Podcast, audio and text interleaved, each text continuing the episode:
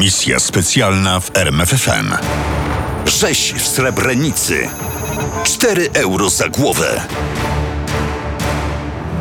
Między 12 a 17 lipca pod Srebrenicą rozstrzelano 8372 mężczyzn i chłopców.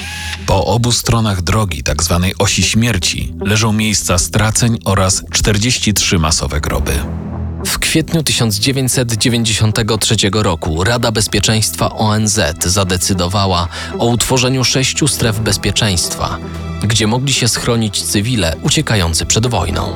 Taką strefą bezpieczeństwa była również Srebrenica, miasto o zdecydowanej przewadze ludności serbskiej. Za jej ochronę odpowiadał holenderski batalion, który stacjonował w nieodległej wiosce Potoczari. Ale mandat ONZ nie pozwalał żołnierzom strzelać ani atakować. Mogli się bronić, jeśli zostaliby zaatakowani. Bośniaccy politycy, świadomi ułomnego mandatu ONZ, nie wierzyli w skuteczność batalionu holenderskiego. Dlatego wysłali do Srebrenicy własną dywizję piechoty. Była to jednak dywizja, tylko z nazwy. Brakowało jej artylerii, pojazdów pancernych i zaopatrzenia. Część żołnierzy nie miała nawet porządnej broni, używali strzelb myśliwskich. Dywizja nie mogła więc pomóc Srebrenicy, a szybko okazało się, że może nawet zaszkodzić. Według Serbów umieszczenie żołnierzy w neutralnej strefie oznaczało pogwałcenie reguł narzuconych przez ONZ. Poza tym byli pewni, że Bośniacy, czy też jak ich nazywali obraźliwie Turcy, wykorzystywali miasto jako punkt wypadowy do działań przeciwlicznej w tej okolicy ludności serbskiej. 6 lipca 1995 roku 6 lipca 1995 roku Radko Mladic wydał rozkaz ataku na Srebrenicę. Pięć dni później miasto zostało zdobyte. Miasto wróci do Serbów. Nadszedł czas zemsty na Turkach.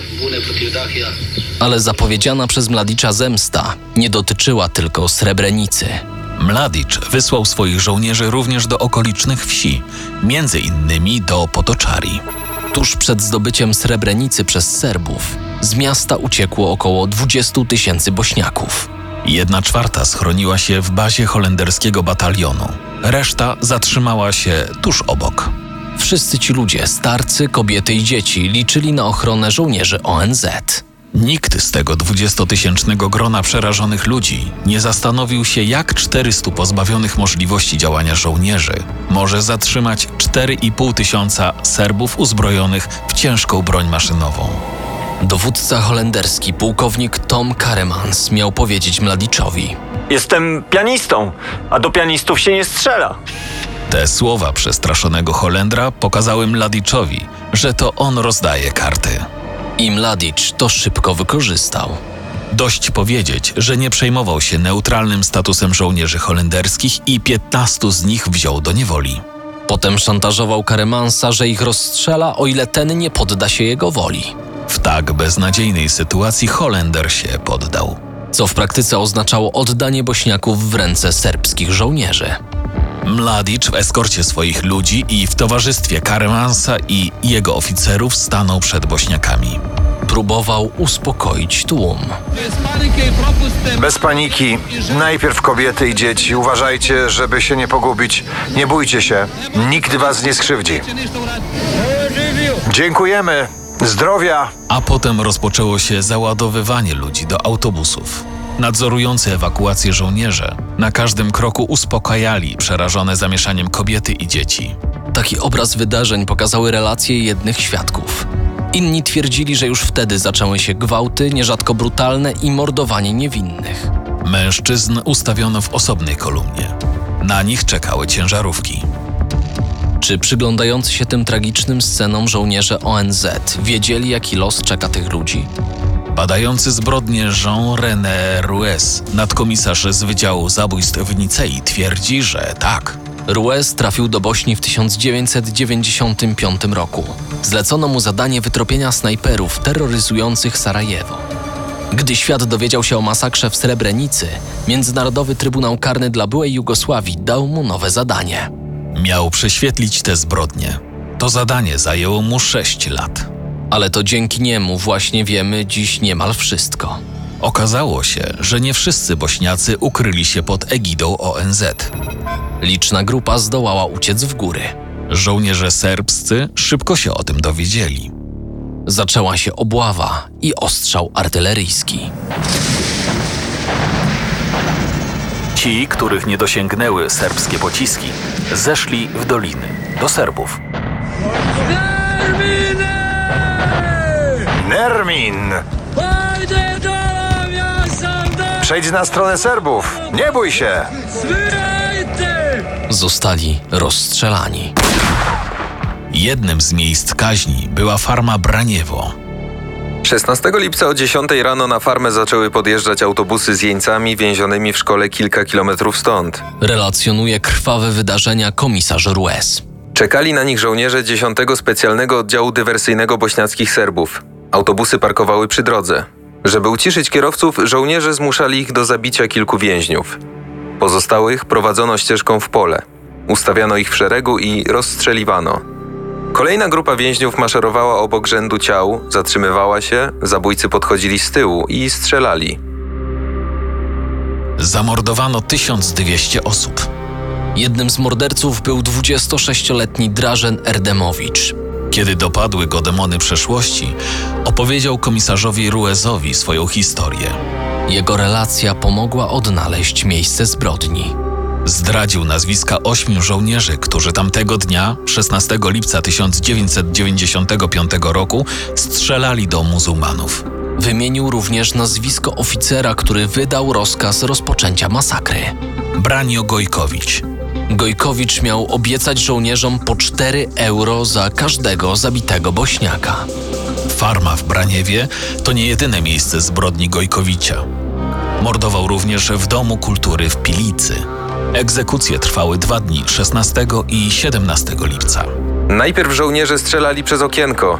Ludzie uciekali za scenę albo kulili się na ziemi. Na końcu pod scenę, gdzie ukryło się kilka osób, poleciały granaty.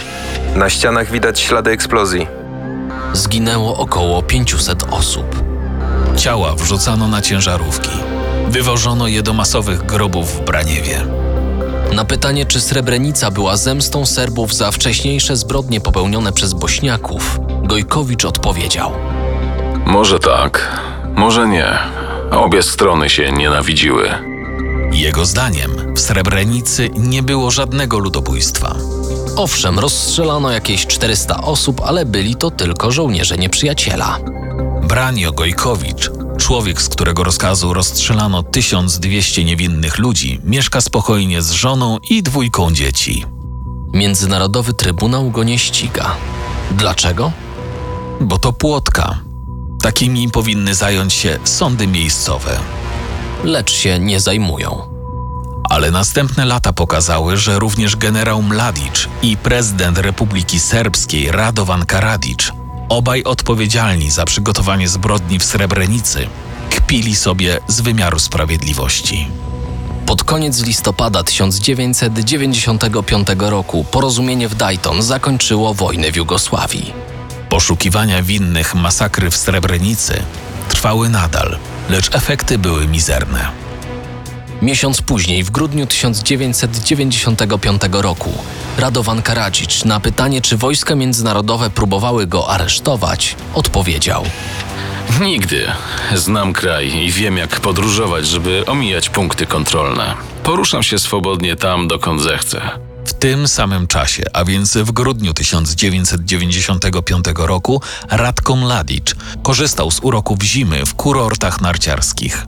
Stany Zjednoczone oferowały 5 milionów dolarów za informację o Mladiczu. a Serbia dwa razy tyle za wskazanie miejsca pobytu zbrodniarza. Radko Mladicza aresztowano w maju 2011 roku na terenie Serbii. Ukrywał się pod fałszywym nazwiskiem. Sześć lat później Międzynarodowy Trybunał Karny dla byłej Jugosławii skazał go na dożywocie. Radowana Karadzicza aresztowano trzy lata wcześniej w podmiejskim autobusie w Belgradzie. W marcu 2016 skazano go na 40 lat więzienia, ale trzy lata później zmieniono wyrok na dożywocie. Do dziś nie wiadomo, ile ofiar pochłonęła masakra w Srebrenicy. Oficjalnie 8372 osoby. Ale badacze są zgodni.